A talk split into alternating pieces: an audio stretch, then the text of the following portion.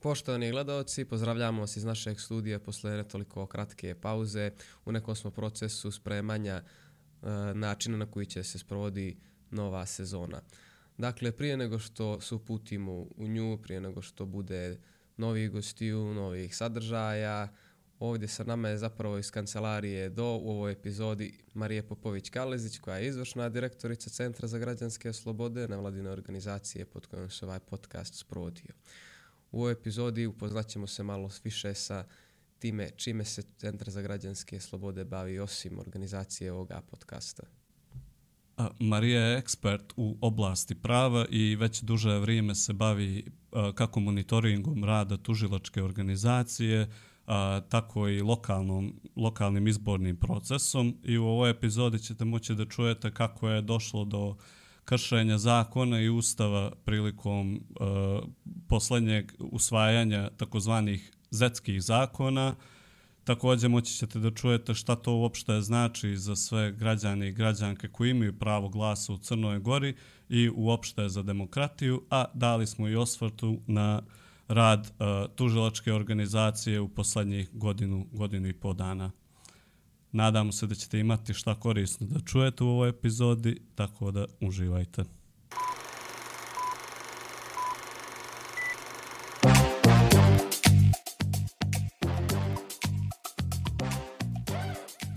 Marija, hvala što si došla iz svoje kancelarije ovamo 7 metara odavde. Hvala što si naša gošća nećemo te sad predstavljati, predstavit ćemo te e, putem naših komunikacijonih kanala. Uglavnom, naših komunikacijonih vještina. I vještina i kanala. E, prvo pitanje koje bih volio da postavim u kontekstu lokalnih izbora koji se održavaju, ne održavaju, najavljuju, ne najavljuju, održavaju opet i tako dalje. E, donešeno je u Skupštini je prije nekih dvije, tri nedelje usvojeni su takozva, takozvani set zetskih zakona. Da li su to zapravo zetski zakoni, šta oni znače, jesu li to možda antizetski zakoni u nekom smislu? Izmijenjeni su zakoni o teritorijalnoj organizaciji, zakoni o glavnom gradu. Dobar dan, momci, hvala što ste me pozvali. Uvijek je čast i zadovoljstvo razgovarati sa vama. E, došlo je do izmjene zakona e, opet iznova nezakonito i protivustavno. Neki bi rekli trebamo sačekati odluku Ustavnog suda.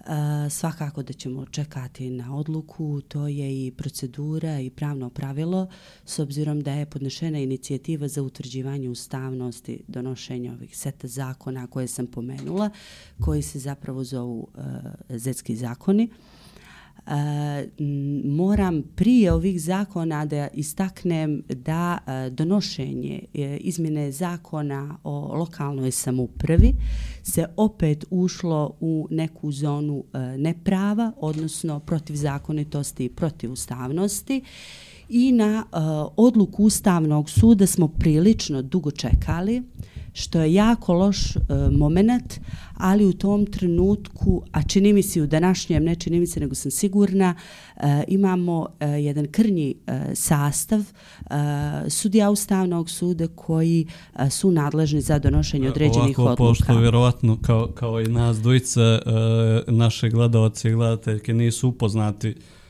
uh, koliko ima članova da. Ustavnog suda, koliko bi trebalo da ima, koliko ih ima, pa ako bi samo Ovako, to kratko ja prvo da... moram da vam uh, kažem uh, što se tiče uh, i uh, znači uh, puno kvoruma uh, članova Ustavnog suda i što se tiče sudskog savjeta, da se tim apsolutno kaskamo i da nemamo uh, varijantu da uh, uskorije vrijeme dođemo do adekvatnog rješenja s obzirom na određenu političku situaciju, političku E, volju, odnosno nestabilnost u kojoj smo, čini mi se, konstantno u posljednjih e, ovaj par godina.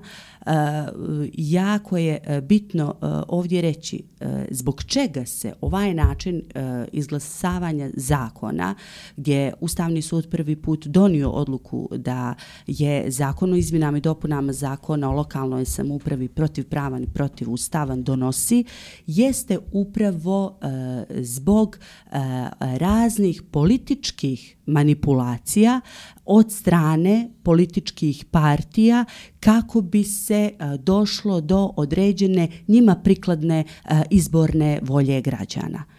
I jako je bitno zbog građanstva i zbog vašeg podcasta reći da je e, izmjena zakona o e, lokalnoj samupravi koja se inače nije smjela baviti konkretnim utvrđivanjem kada će doći do e, lokalnih izbora u pojedinim opštinama, donešena prostom većinom, a po ustavu i zakonu E, je neophodno da se izborna zakonodavstva i svi zakoni koji se tiču izbora moraju donositi dvotrećinskom većinom što se nije desilo.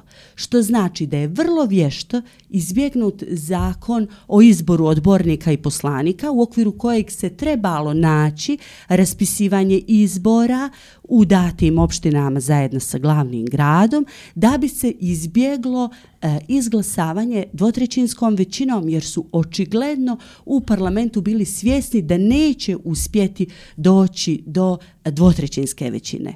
Što je ovdje bitno? Ovdje je bitno kako kod ovih zakona koji nas sad trenutno najviše pogađaju u ovom trenutku, s obzirom da smo na odluku Ustavnog suda jako dugo čekali, a onda kada je ta odluka donešena i kada je zakon izgubio pravnu snagu, koji je donešen, nažalost, već je došlo do raspisivanja lokalnih izbora i nazad nema nazad ne možemo. Što znači da smo propustili priliku ispravljanja nečeg što je protivzakonito i nečeg što je protivustavno. I mi sada smo se našli u jednom pravnom čorsokaku u, kada su e, zakon izbornog zakonodavstva u pitanju, a tu je set E, raznih zakona, a e, i izetskim zakonima i ovom izmjenom zakona o lokalnoj samupravi upravo je najviše pogođen zakon o, o izboru odbornika i poslanika Crne Gore i naravno najviše pogođen, najviše pravni akt u zemlji, to je ustav. Mi se nalazimo u uh, jednom jako uh, lošem stanju, lošoj pravnoj poziciji i uh, jednom uh, pravnom uh, nevaljanom uh, funkcionalnošću što apsolutno ne znam kada će doći do boljitki, kada će doći do izmjene, jer su odbori već zakazani za 23. oktober. Ako ne budemo imali forum e, sudija e, Ustavnog suda, izbori se neće moći održati, jer nam je po zakonu on jedan od, od da glavnih. Je, da li je to realno očekivati da, evo, po, pošto koliko, sam, koliko shvatam, mislim, iz, oni su poslanici koji i poslanice koji su glasali za usvajanje ovakvih zakona u skupštini su direktno pogazili ustav. I sad uh, ustavni sud koji nije dakle u punom kvorumu, koji da. nije u punom kvorumu, koji ajde i da bude uh, u punom kvorumu do, do, do kraja oktobra, šta možemo očekivati da se desi? Možemo li očekivati odlaganje izbora ili je to ukoliko on bude u punom kvoruma, mi možemo očekivati izbore. Mi možemo Aha. 23. oktobra očekivati izbore ukoliko zaista on bude u, u punom kvorumu, jer oni, kao što sam rekla, su e, mnogo ranije zakazani prije donošenja odluke od strane Ustavnog suda i dalje ne možemo, ne možemo ići. Sad trebamo, e, ako nas e, iko bude e, slušao u ovom dijelu, u ovom pravcu, apelovati na brzo donošenje odluke eh, od strane Ustavnog suda po pitanju ovih zetskih zakona koji su, koji su također sporni. Mm -hmm. Samo da ja raspetljam tu sebi što se tu desilo, samo jedan korak dalje od, eh, nek, od, pravnog, od pravnih aspekata toga, jedan ljudski aspekt toga, ta motivacija. Zašto je, čiji su tu interesi u pitanju, zašto su doneseni ti zakoni? Ja nešto nisam primijetio da se narod iz Zete ili iz Podgorice, da su aktivno tražili uh, da Zeta postane opština odvojena od Podgorice. Šta se tu dešava? Ima tu išta osim onoga što se meni čini partijskih interesa? E, nažalost, ja ovdje vidim isključivo i samo partijske interese. Jer e, zaista da su se uh, slušali uh, građani građanke uh, sada već opštene Zeta, vidit ćemo do kada će to biti, koliko će to trajati, kažemo čekamo odluku. Uh, Ustavnog suda. E, čini mi se da e, javnost nije bila obavještena o tome e, koliko se razgovaralo, koliko se organizovao referendum, koliko se organizovao zbor građana. To je već nešto što se tiče zakona o lokalnoj samupravi, nešto što kolega Mumin zna jer se time bavi isto koliko i ja, koliko to u našim gradovima apsolutno ne funkcioniše, a to su ti pravni instituti koji nikada nisu zaživjeli, a to je referendum, to je zbor građana, to je peticije, to je nešto na čemu počiva demokratija unutar lokalnih zajednica, e, što mi apsolutno nemamo e, što znači da se e, sve to zaista na pravno valja način iskoristilo, da su se instituti ovi koje pominjem i zakona o lokalnoj samupravi, referendum, zbor građana, da su se zaista čuli građani i građanke te opštine, pa onda E, da je to dalje otišlo na skupštinu. Mi ovdje imamo jedan najveći paradoks. Ja ne znam kada se e, to u Crnoj Gori desilo da vam e, odbor e, istog dana izglasa e, protiv zakonitosti, protiv ustavnost ovih zetskih zakona, a da par sati nakon toga skupština utvrdi da je apsolutno e, zakon u skladu sa ustavom i zakonom odnosno o, o, ovaj set zakona, to je nešto što je zaista paradoks. Moram da istaknem da odluke odbora a priori zakonski ne obavezuju Skupštinu, ali odluke odbora su jako važne i jako bitne i postoje tu da bi se unutar parlamenta e, e, članovi i članice duboko zapitali zbog čega je neka odluka odbora kao što je zakonodavnog odbora gdje ipak sjede ljudi koji se bave tom vrstom posla, zbog čega on nije izglasan, da krene dijalog i da se kroz taj dijalog, kroz uh, E, zamislite javnu raspravu koja također treba da postoji da bi se određeni zakonski tekstovi ne određeni, nego je poželjno kada se svi zakonski tekstovi mijenjaju, da se sprovede adekvatna javna rasprava gdje će e, pored e, poslanika, e, pored nadležnih institucija biti pozvan i civilni sektor koji se bavi time i zainteresovano građanstvo, da se na, na taj način zapravo ulazi u izmenu zakona. Ne. Nažalost, kod nas u Crnoj Gori izmjene zakona se dešava onoga trenutka kad se promijeni ili politička struktura, ili se promijeni pravac određene strukture, ili se promijeni trenutni interes onoga koje je na vlasti i dolazi do izmjene zakona. Ne mhm. samo kroz ovaj set zakona što se tiče izbornog zakonodavstva, nego, nego i kod drugih zakona vidjet ćete da određenom e, promjenom strukture, da određenim partikularnim interesima dolazi do vrlo uslovno rečeno jednostavne izmjene zakona i onda imamo stalno, stalno kršenje prava i načina da se na demokratski i pravno valjan način uđe u postupak izmjene i da zaista dobijemo zakon za koji se makar većina, većina zalagala. I to je meni se čini, makar moji prijatelji iz ET, da je njihova reakcija na ovo bila kao dobro. Ništa preko toga, niti nit protiv, niti za ono dobro ljudi. Koliko se transparentno donosi to uopšte, znaju li? Apsolutno ne. Eh, u ovom trenutku, ne u ovom trenutku, nego u eh, trenucima i ranije, nema transparentnosti prilikom donošenja i to je vrlo očigledno i vrlo jasno. A, a e, jako bitna stvar jeste zbog čega je sporno uh, uh, upravo uh, i ovo donošenje jesu ti uski partikularni interesi, izborni da kažem interesi, a to je da se građani iz te opštine isključe iz glasanja eh, uh, 23. oktobra kada je ono već zakazano bez obzira na protivustavnosti zakonito, zakona na osnovu kojeg je dokazano, bez obzira na odluku koja je u značajnoj mjeri kasnila od strane Ustavnog suda. I to jeste nešto što predstavlja problem. Sličnu situaciju smo imali sa opštinom Tuzi, ali je tada građanima Tuzi bilo dozvoljeno glasanje u okviru u okviru e, Podgoričke opštine, u okviru glavnog grada. A sad nije? A sada nije. Pazite, mi nemamo, mi, nažalost, nema pravne prakse. Bili su opštinu, moraju da glasaju Mi nemamo ustanovljenu ni sudsku praksu, Aha. nemamo pravnu praksu, ne bavimo se dovoljno dobro time jer da se time bavimo i da zaista to radimo onako kako bi trebalo da radimo, mislim da bi sve drugačije izgledalo. Dobro, čiji su to partijski interesi? Komu je interesu da zeta, da građani zete na lokalnim izborima ne glasaju u Podgorici? Da, da, kako se očekuje da će da glasaju zeta? Da, vjerovatno je bilo u interesu onima koji su ga izglasali. Ako ste pratili, vidjeli ste ko je glasao, ako pa, nije glasao. A evo, ako ni, ako da već ono... Ovaj, ja sad stvarno, DPS... to je tada bila, to je u tom trenutku bila većina. Jel tako? Da, ja je bila ako, većina, ako... to je bila to je bio DPS, SDP, URA, Bošnička stranka. Sad ja sad da ih ne navodim da nekog ne bih liberalna partija, da nekog ne bih preskočila, ali oni su upravo ti koji su izglasali mm -hmm. zakone i ove zetske i ovaj sporni zakon koji je izgubio pravnu snagu odlukom Ustavnog suda, to je zakon o e, dopunama zakona o lokalnoj samoupravi. E, to je pitanje svih pitanja. Da, radim godinu se... dana, za, radim godinu dana, samo meni još a, u, peti, u peti osnovne uče šta je to, meni još nije jasno šta je lokalna samouprava. To mi je za mene... Mi smo preskočili peti osnovne. To je, da, da, da, mi smo generacija 9-8, šta je, mene, za mene je to crn, ona crna materija pa, ovaj, politike. nažalost, e, zakonom o lokalnoj samoupravi se vrlo malo bavilo.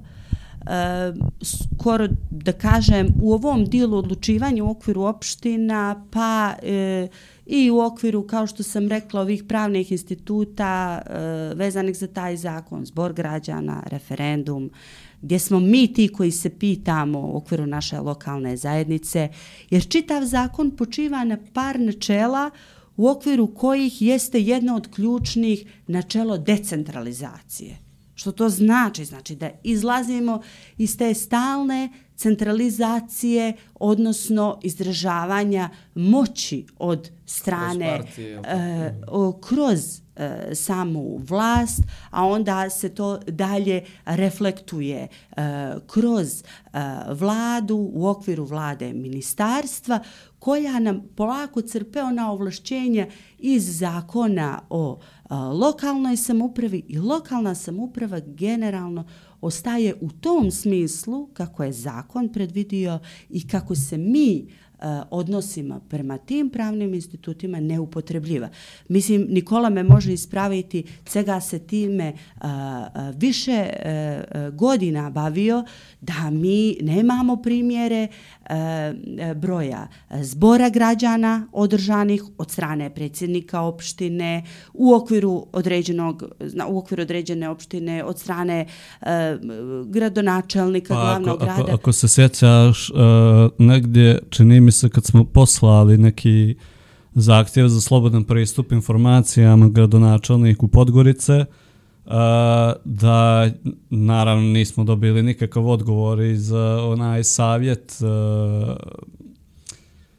Ah, ne mogu se sjetiti tačnog naziva savjeta. U okviru opština, da, da, da, da, da. Da, ne znam, praktično nekoliko dana nakon toga najavljivani su zborovi građana u nekim mjesnim zajednicama, ali to, to, to najave su bile bukvalno ono, lijepili su papire po gradu, nije bilo ono... Moderni marketing. Pa nije da. bilo ni, ni, ni, ni na sajtu objavljeno. Da, da, bili su oblipljeni papiri po gradu, u lazima se mogao naći papir gdje se pozivamo da dođemo u određeno vrijeme, najčešće su to bile sale fakulteta, u jednom trenutku je bila Ramada što se tiče opštine Podgorica, što se tiče glavnog grada.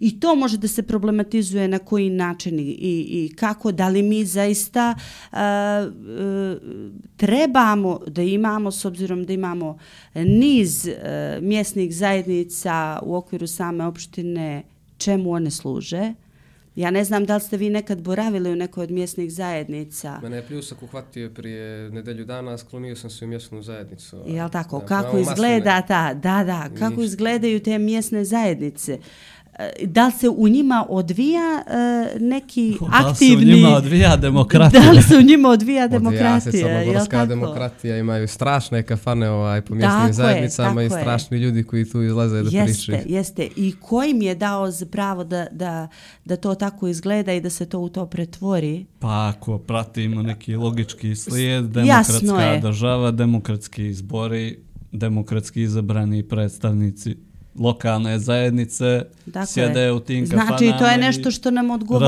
razgovaraju ali- o najvažnijim temama za građanstvo. Ja mislim da mi ne smijemo da odustanemo od toga da se borimo za iste da se to promijeni i to je u stvari jedino što nam je ostalo da dođe do promjene i u tom smislu, a čini mi se malo po malo kad bude dolazilo promjena na lokalnom nivou, bit će ih na globalnom. Pokre, Pa- treba pa- da pokrenemo ovaj hashtag ne izlazi u Bokešku nego u mjesnu zajednicu. Da, da, da, nego u mjesnu zajednici da odgo... da bi da, i razgovaraj o svojoj zajednici, kako, Ja. Da bi kako izgledaju zajednički građanin. prostori, kome i čemu služe ti zajednički prostori, jedno veliko pitanje. Ko nam obizbiđuje financije?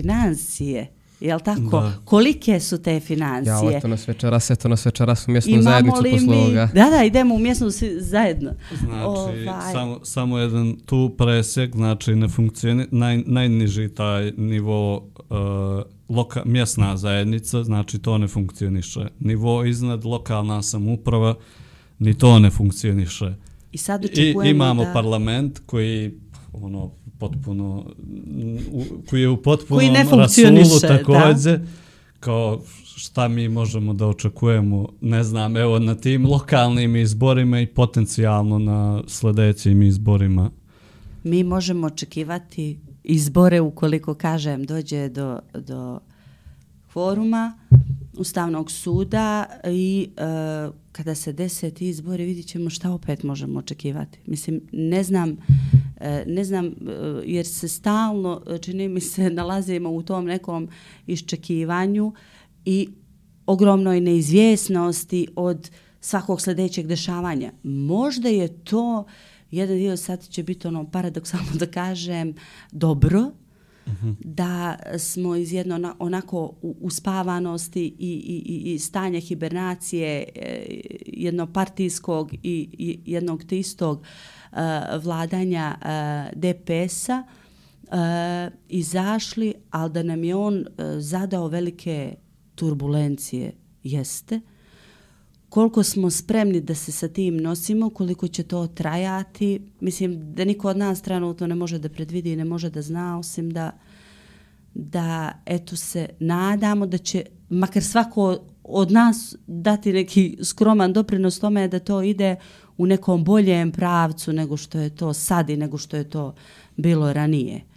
Pa pomenula se dakle ta konstantna iščekivanja, tu konstantnu netrpeljivost, mislim, osjećala se ona nekako i, i, i, tokom vladavine DPS-a, jeli, pogotovo posljednjih 6-7 godina, rekao bih. A, jedno, mislim, sigurno jedna stvar koja doprinosi tome su česti lokalni izbori kojima Da. se pojavljuju ljudi koji ne žive u opštinama tim, koji možda nikad ni prije toga nisu posjetili te opštine, nego ih samo posjećuju u, u kampanji čestituju im dan opštine jednom godišnje i zaborave da ti ljudi tamo Tako uopšte je, postoje tako i žive. A, jedna od preporuka koja se evo više godina pojavljuje u izvještaju Europske komisije uh, za Crnu Goru jeste preporuka da se lokalni izbori moraju organizovati u istom danu Tako u je. svim opštinama. Upravo Ali ne na ovaj način.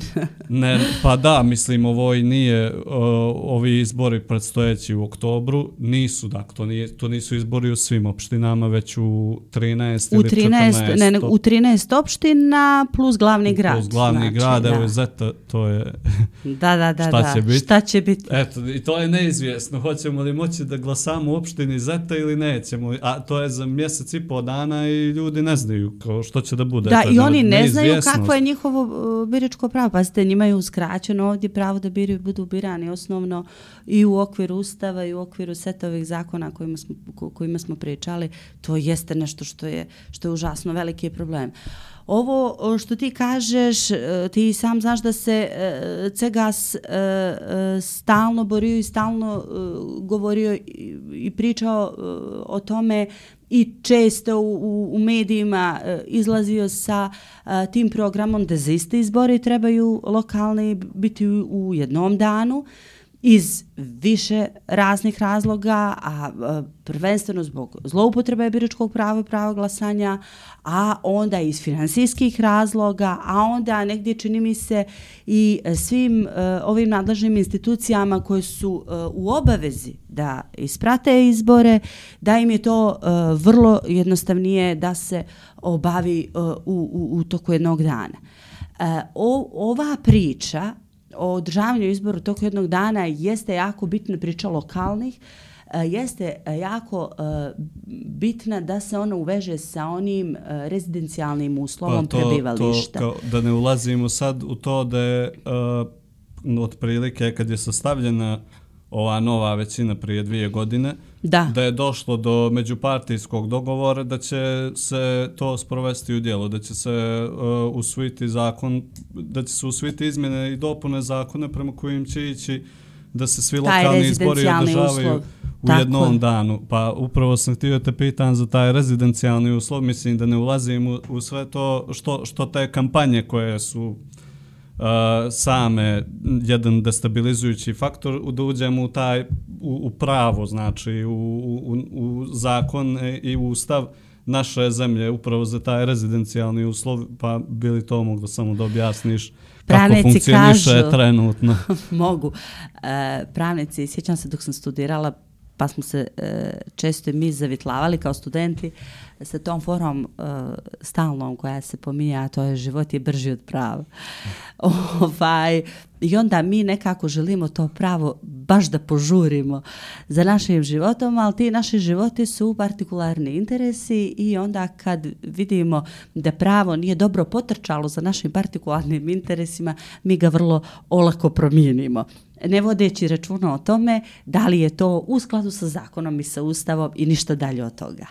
E to jeste e, nešto što je veliki problem. Ovaj rezidencijalni uslov se od 92. do danas stalno mijenjao, što znači upravo od određenih partikularnih interesa i od toga kako trebaju da izgledaju zbori u okviru uh, lokaliteta, odnosno opština, on se prvo određivao, čini mi se, najduže na godinu dana u jednom trenutku, pa se onda skratio na šest mjeseci, pa se onda ukinuo, pa se onda opet postavio, pa danas imamo uh, odlukom Ustavnog suda, čini mi se uh, da ne pogriješim negdje, da li je to bila 2000-ta ili da se on, uh, znači, odlukom Ustavnog suda isto ukinuo, što znači da e, promjenom e, struktura e, se rezidencijalni uslov mijenja u okviru zakona. Znači non stop. I to nam najbolje pokazuje e, e, činjenica da znači mi isključivo iz interesnih sfera naših političkih mijenjamo mijenjamo zakone. Ti, Danilo, mislim da možeš da nađeš to, našu tabelu. To, da budemo skroz jasni. Jer u jednom trenutku kad nam je uslovno rečeno uh, postojala određena opasnost uh, u okviru uh, izbora, uh, čini mi se u Herceg Novom i još jednoj opštini, da se isto tako na prečec rezidencijalni uslov promijenio, pa je onda postavljeno godinu dana, čini mi se uh, najduže, uh, da mora postojati prebivalište da bi se glasalo u datoj opštini. Da, da, ovo 2000. je bilo 12 mjeseci prebivalište na teritoriji. To. Onda opet promjena 2011. 6 mjeseci prebivalište na teritoriji opštine kao izborne jedinice. A onda je 2000. A onda je 2020. odlukom ustavnog. 2020. da bom. Kaže, opet postaje dovoljno postojanje prebivališta u trenutku lokalnih uslova. Zna, znači, znači ja evo, da kad su bili ovi izbori, ne znam, poslednji lokalni uh, ove 2020. godine? 2020. Ne, bilo ih i ove godine. A ove godine, da, da, da, da, kad su bili poslednji Ali, ove evo, godine. nebitno. Da li je ove ili prošle? Više evo, ne znam. Evo, ilustrativni primjer, prošle. prošle godine su bili u Nikšiću, u Herceg Novom, u Cetinju, u Mojkovcu i u Petnici. I znači ja sam iz Podgorice mogao da glasam na, na Tako nisam je. mogao na svih pet jer su ovi u Cetinju, Mojkovcu i Petnici bili isti dan. Dan, znam. Ali sam mogao Jeste. da glasam na, u tri Mogao opštine. si.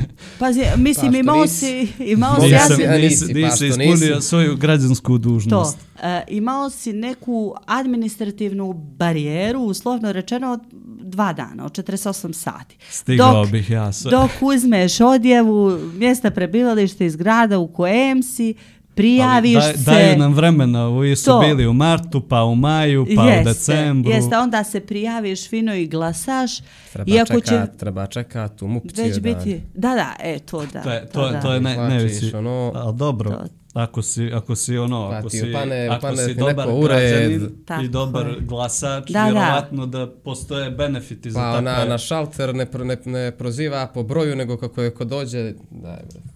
Da, da, muke, da. Isto je muke to. Ali recimo jeste Nikola u pravu si e, da je e, sad vlada prije ove vlade koja je bila pokušavala e, da e, uvede zakonski ovaj rezidencijalni uslov baš iz ovih razloga da se ne bi dešavale e, ovakve e, da kažem boga mi malverzacije i, Ma i da i kažemo, sumnje i da koje, kažemo koje pod mogu Evropske ske- komisije. komisije tako je Jer ne vjerujem da bi sami došli do tog zaključka da je ovo nešto što ne valja. Jeste i, i to je to je negdje e, bio i pritisak od strane Evropske komisije i negdje je trebao da postoji taj rezidencijalni uslov pogotovo ja kažem negdje je tu e, treba agencija za sprečavanje korupcije da da svoj stav u e, vidu mogućnosti koruptivnog djelovanja gdje ćete vi nekoga prisiliti da promijeni mislim prisiliti uslovno rečeno podmititi da e, promjenom mjesta ovaj prebivalište iz opštine u opštinu ode i glasa u neku drugu i to jeste nešto što je problem. Međutim, mi smo se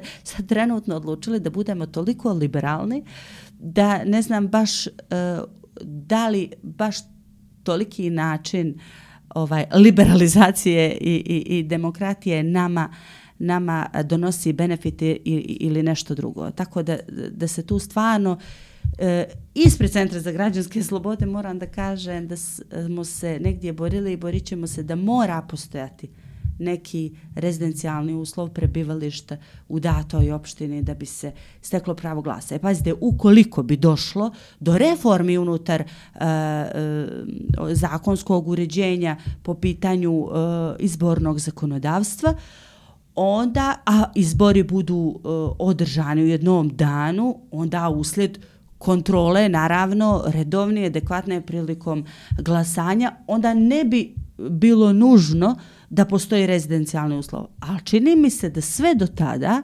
dok ne dođe do objedinjavanja izbora lokalnih da budu u jednom danu, da je jako loše to što ne postoji taj rezidencijalni uslov. Pa, pa mislim svakako isto i kad nisu u jednom danu i, i sa postojanjem tog rezidencijalnog uslova, ajde stvarno ljudi se sele iz mjesta Da, u da, mjesto. deša- to život se dešava, Život da, se da, dešava, da, da. ali i, i, i to i dalje otvara, otvara prostore. U periodu od četiri godine imamo 24, 24 25 lokalnih izbora, Znači da tu postoje rupe gdje, neka, gdje mogu da se zloupotrebljava, gdje može i dalje taj od godinu dana da se zloupotrebljava. Onda bi ga trebalo vratiti na četiri godine, ali nešto ne mislim da se razmišlja u, u tom, tom pravcu. I meni se čini isto, e, također isto e, nije e, došlo do e, promjene zakona o e, registrima prebivališta i boravišta koji se isto bave e, ovom problematikom. Tako da e, izbori, održavanje izbora u zakonskom smislu su vrlo kompleksni, tiču se e, seta e, različitih zakona i jako je bitno da se ozbiljno povede diskusija oko i usklađenosti ovih zakonskih propisa i e, načina bolje, bolje regulacije, a sve u skladu sa preporukama Europske komisije. Definitivno. A kad će to biti i kad će se to kod nas desiti, e, pitanje je, s obzirom na trenutnu situaciju, trenutno stanje. Ja sad pokušavam da sklopim sliku lokalna samuprava. Tendencija je da se tu demokratizuju procesi, da se decentralizuje. Kako Tako utiče je. na tu decentralizaciju da smo u tom nekakvom konstantnom stanju ovaj, kampanje partija, kako to utiče na lokalnu samoupravu, na donošenje odluka na lokalnom nivou, kad imamo, na primjer, neku situaciju koju omogućavaju ovakvi zakonodavni okvir i ovako organizovanje stvari, da a, izbori u Podgorici ili ajde izbori na Citinju, izbori u Nikšiću, izbori, ne znam, u Tuzi dođe tipa Milo Đukanović i on vodi kampanju tamo. Kako to utiče na... To utiče naravno jako loše, ali pazi, to ne može dobro da utiče ako ti imaš uh, situaciju Ovo je primjer da se protiv da se ogradi, samo, da, da, može biti dve se, Bazović, čelnik partije, da vodi lokalnu kampanju. Znači, znači uh, imaš e, pravnu situaciju da e, se donose zakone koji su e, protivzakoniti, protivustavni i odluku Ustavnog suda o poništavanju tih zakona. E kako se sada, ako je to negdje na vrhu piramide, kako se to može odraziti dobro na lokalnu samoupravu? Apsolutno nikako. Oni sami po sebi, zakon o lokalnoj samoupravi proglašen sad ovaj posljednji koji izglasan, znači protiv ustavne, protiv zakonit. I to ne može nešto što može donijeti benefite u decentralizaciji, demokratizaciji e, lokalnih samouprava, nego naprotiv. On iznova zarobljava sve ovo o čemu smo do sad govorili. I ne možemo krenuti naprijed sve dok uh, se unutar uh, znači, e, doma koji donosi zakon, koji ih izglasava zapravo, to je skupština, ne postigne adekvatan dogovor, ne izvrše uh, uh, uh, i uh, to jest ne sprovede i dijalog adekvatan i prije toga javna rasprava i uvažavanje odluka nadležnih odbora po pitanju tih nacrta zakona. Jako važna stvar i jako bitna stvar. Ne možemo očekivati da će se e, dogoditi decentralizacija i da će se dogoditi demokratija negdje tamo dolje, nažalost moram da kažem, negdje na nekoj nižoj instanci, ako na višoj nemamo nemamo ovaj uspostavljen e, red i sve ovo o čemu govorim. Ali ajde da se vratim na tvoj citat. Pravo je, ne nego život je brži od prava. Da, da, čuveni citat. Ne moj meni se malo, da, da, student, svih studenta prava i kad meni se ta priča malo čini kao idealistička. Kako doći do toga? Kako doći do života? Ne, Sa pravom. ne, ne, ne mislim na taj, ne mislim na taj citat kako mislim do, kako doći do toga da se ti, eto, došli smo do toga, zakoni se donose pa, pa, pa, pa, on u skladu s interesima čak i kad to ne može da se odradi, nije nikakav problem da bude se donese nešto što je kontradiktorno i da se ide suprotno tome. Može li se onda opšte zakonima riješiti taj problem? Zakonima se taj problem mora rešavati. Kako, kako urediti sistem? Kako Dobra je stvar uh, odluke Ustavnog suda da je taj zakon protivustavan i, i, i protivzakonit. Ali gdje je tu odgovornost? To je ono negdje o čemu trebamo razmisliti. Ko je u Crnoj Gori nekad pozvana odgovornost uh, na način uh, zbog čega je određeni zakon izglasao kako nije smio da ga izglasa. Ja mislim, to mi sad u, u, u svojoj ovoj priči prosto... kao zakon prekršen i koga ja tu da krivim neku abstrakciju, Crnu Goru, Boga, ko mislim ne, to... Ne, vrlo je jednostavno da se tu krivi uh, onaj koji je uh, izglasao taj zakon, a mora biti svjestan da je protiv zakona i protiv ustava. I onaj koji ga je verifikovao i potpisao. A ko će, ko će da ih procesuira? Evo sad paradoksa. Ako je paradoksa. Ako ljudi koji donose zakone, Ako njima odgovara da ne donesu zakon koji poziva njih od, na odgovornost koji je suprote njihovim interesima, zašto bi donosili zakon koji je suprote njihovim interes, interesima? I onda se da, da, sa psihološkog aspekta. Totalnog paradoksa tu dolazi. Da, tu je, uh, tu uh, je uvijek uh, ona narodska, pišu oni zakone kako njima odgovara, jel da? Ali prosto do te mjere uh, smo a, krenuli ka tome, recimo odbori skupštinski nisu postojali jedan dobar dio vremena i prilično su da kažem od skoro. To jeste jedan model koji je trebao da bude jedan kontrolni mehanizam i za ove koji su izglasavali ovakve nevaljane, ne, pravno nevaljane zakone, da ih iskontroliše. Što je zapravo problem, čini mi se, jeste da mi izgradimo uslovno rečeno određene institucije. Da mi postavljamo određena pravila, ali da mi nismo spremni do kraja da se pozabavimo time. E, čini mi se da je tu upravo najveći problem to da negdje nismo dovoljno jasno koncipirali e, taj moment odgovornosti i pozivanja na odgovornost. E, vrlo je slično i sa ostalim e, granama i sa ostalim oblastima, pogotovo sa pravosuđem, sudstvom i tužiloštvom. Gdje je prosto to e, jedna, jedno kolektivno podržavanje jedno e, nemanje ni, e, e, ni prema svom radu, ni prema radu onog kolege određeni e, kritički stav koji je dobro imati.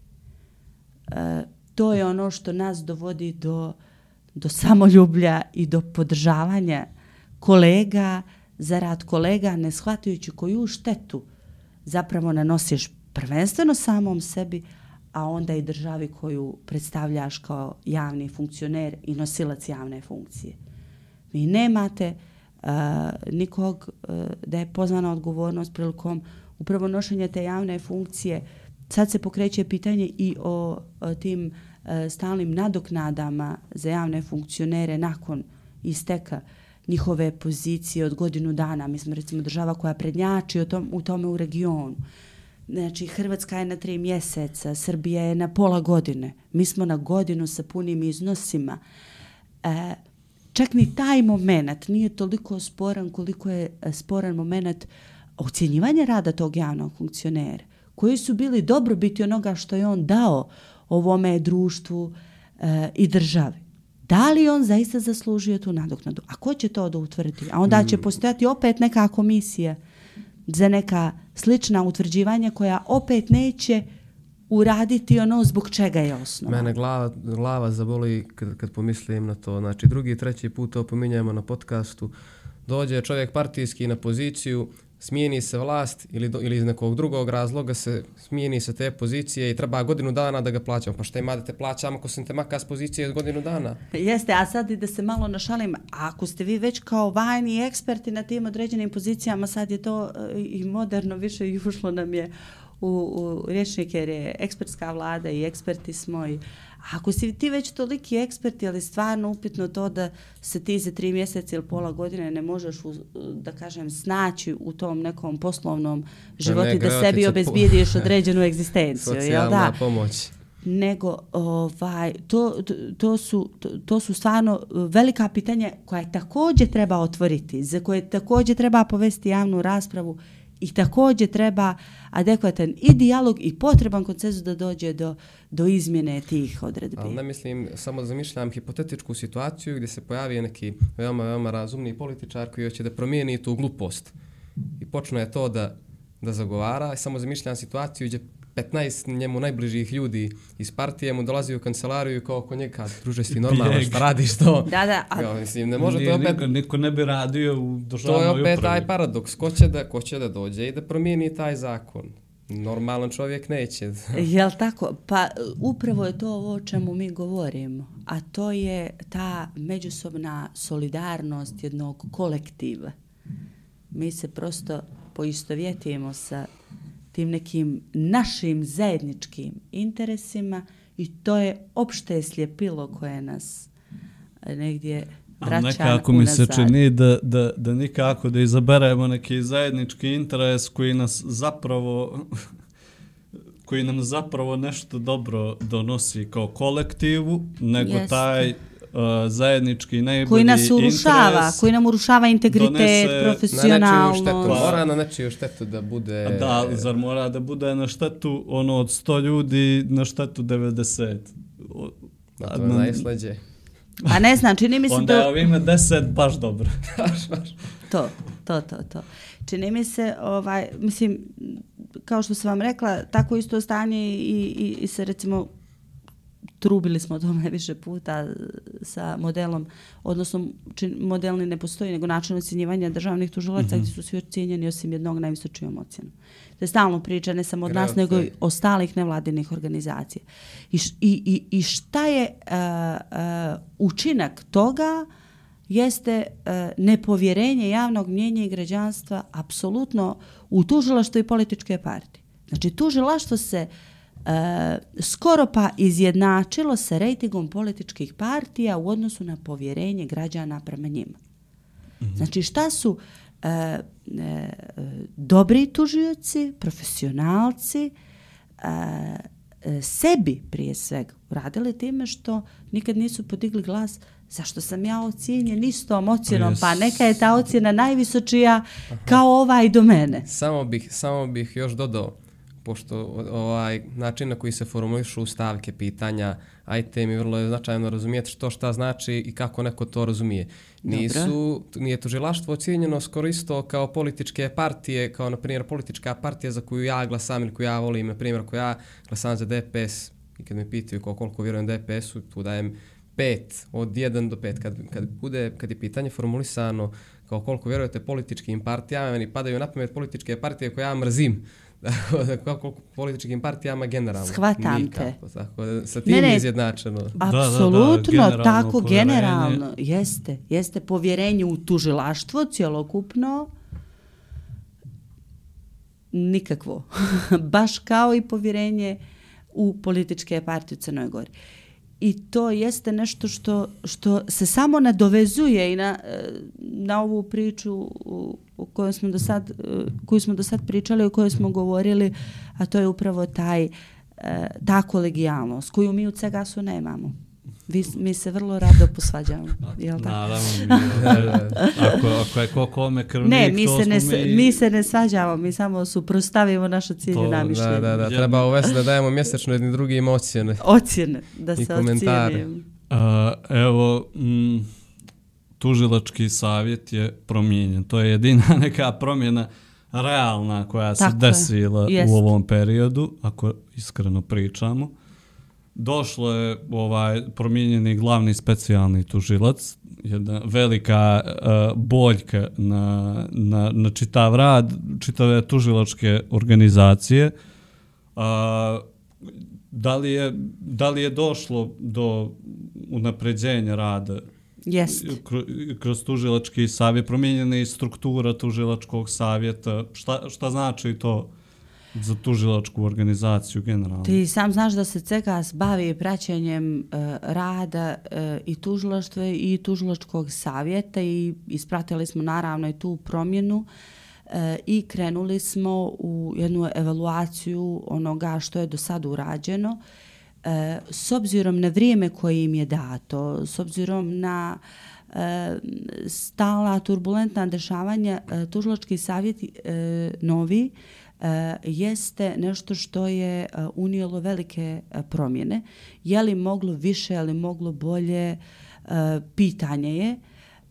S tim što moram da naglasim, naravno, velika promjena jeste promjena glavnog specijalnog državnog tužioca gdje je gospodin Novović je konačno pokazao da se neko umije u Crnoj Gori baviti svojim poslom na, ukoliko je na toj poziciji, jer za gospodina Katnića nikad nije postojala ni osnovana sumnja za mnoge za radnje, za, za mnoge ja neću ići baš toliko, ali za mnoge radnje ovaj, koje su se trebale uh, procesuirati davno. Uh, i da nas, e, nažalost, da kažem, e, ili na sreću, ali nažalost po mnoge e, dolazi do procesuiranja, procesuiranja i sigurno da nije jednostavno ni timu e, e, policije e, koji se ređuje sa e, SDT-om, ovaj, ni e, samom glavnom specijalnom državnom e, tužicu gospodinu Novoviću, ali da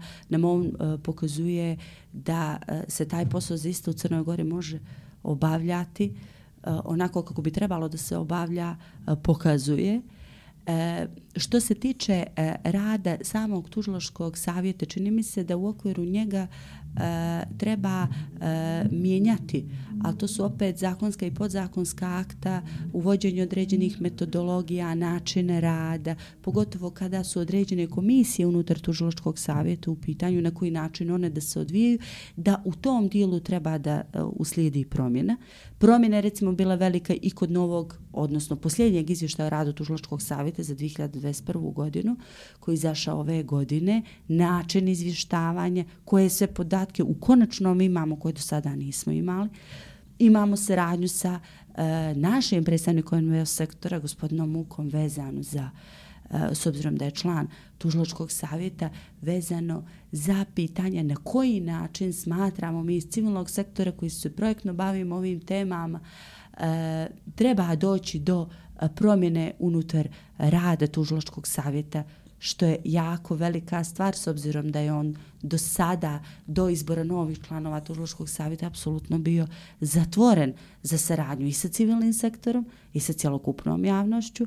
Evo mi smo e, danas e, razgovarali o tome da e, odradimo intervjue i da pozovemo članove e, Tužiločkog savjeta da nam oni kažu kako ocjenjuju i kako vide svoj rad u uh, proteklo vrijeme od kada su izabrani, pa smo sami jedni drugima rekli pitanje je hoće li nam se tužioci odazvati. Da. Treba ovaj, napraviti onu, onu foru sa maskama da, i sa, ali, sa glasom. Ajde, da, da, ali ajde da ne prejudiciramo. Zvat Filipa Vešovića da ih imitira. Da, da. Uuu, bravo. Da, ali da, ajde da, da, da budemo zaista korektni da ne, ne radimo pretpostavke, a još uvijek ih nismo pozvali. Da. da ih prvo pozovemo pa da vidimo možda nas možda nas zaista i, i iznenade i prihvate uh, poziv. Tako da to jesu velike promjene. Što moram da naglasim, uh, često imam problem i dalje kod dobijanja određenih podataka na osnovu zahtjeva za slobodan pristup informacijama od strane sekretarijata tužilačkog savjeta i što mislim da je negdje sporno da u okviru e, njihove internet stranice nemamo direktne mailove članova tužiloškog savjeta gdje bi im se mogli ponosobo obratiti pa i pozvati e, na intervju. E, već moramo upite slati preko sekretarijata tužiloškog savjeta. To je, taj moment je malo centralizovan. Iz kojih razloga je to tako? E, postavit ćemo pitanje vidit ćemo mada e, čisto sumnjam da ima e, zakonsko uporište u tome.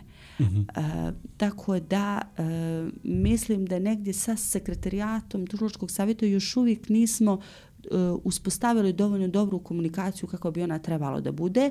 U jednom trenutku smo čak bili isključeni iz mogućnosti prisustvovanja sjednicama tužiloškog savjeta pa smo se uh, i oglasili u medijima po pitanju toga jer uh, sjednice uh, tužiloškog savjeta moraju biti uh, javne, moraju biti otvorene jedino u posebnim zakonskim prilikama kada se to vrlo jasno i naglasi. Mm -hmm.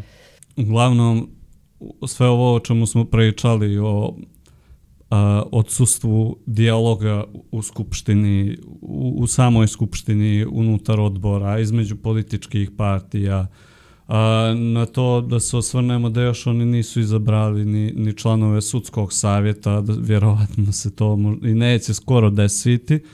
Pa za mjesec a, dana sigurno ne. Pa sigurno ne.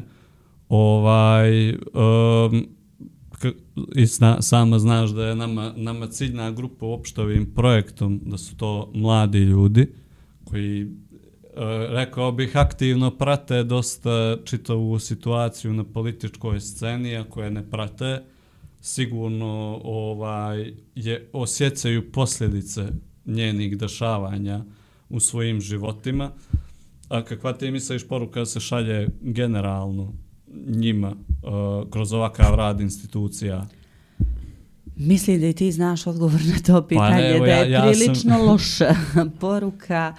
Uh, evo recimo neko uh, mlađi uh, koji izlazi iz pravnog fakulteta i kreće u uključivanje uh, zakonskih normi, načina pisanja zakona, podzakonskih akata, njihovog izglasavanja, sigurno da nakon svih ovih dešavanja o kojima smo do sad pričali bude apsolutno obeshrabren s obzirom da je na fakultetu učio potpuno nešto drugo i gradio neku idealnu sliku.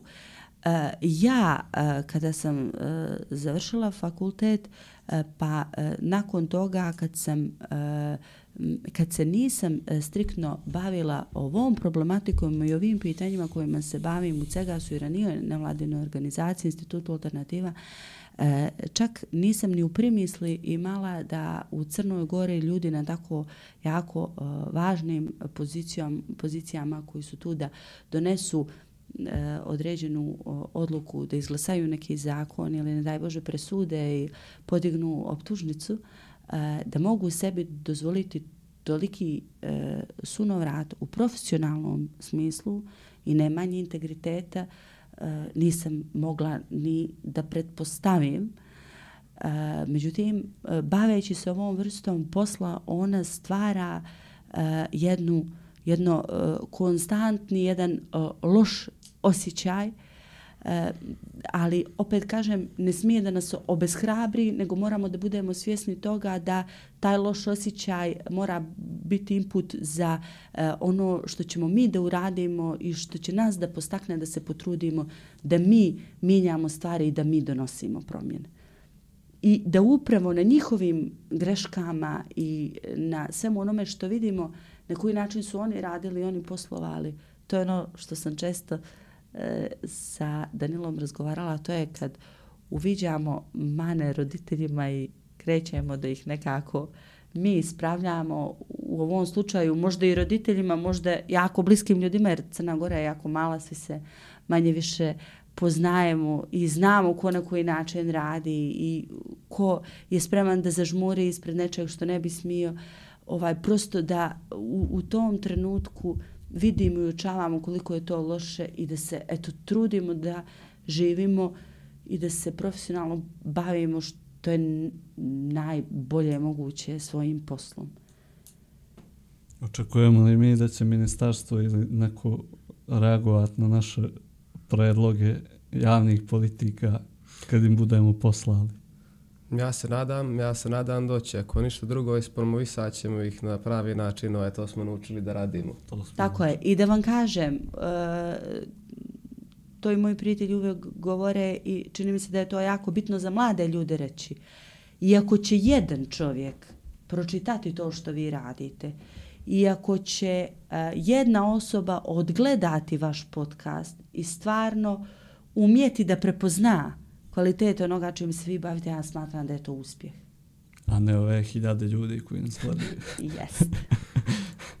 Mare, šalim se, hvala ovaj, što si bila naša gošća. Vjerovatno ćemo te opet neđu ugostiti kad bude ovako uh, ozbiljnih državnih tema u, u pitanju. Sljedeći put kad padne vlada. Sljedeći put kad padne vlada i kad bude ovo stani pani. I da je gas, gas.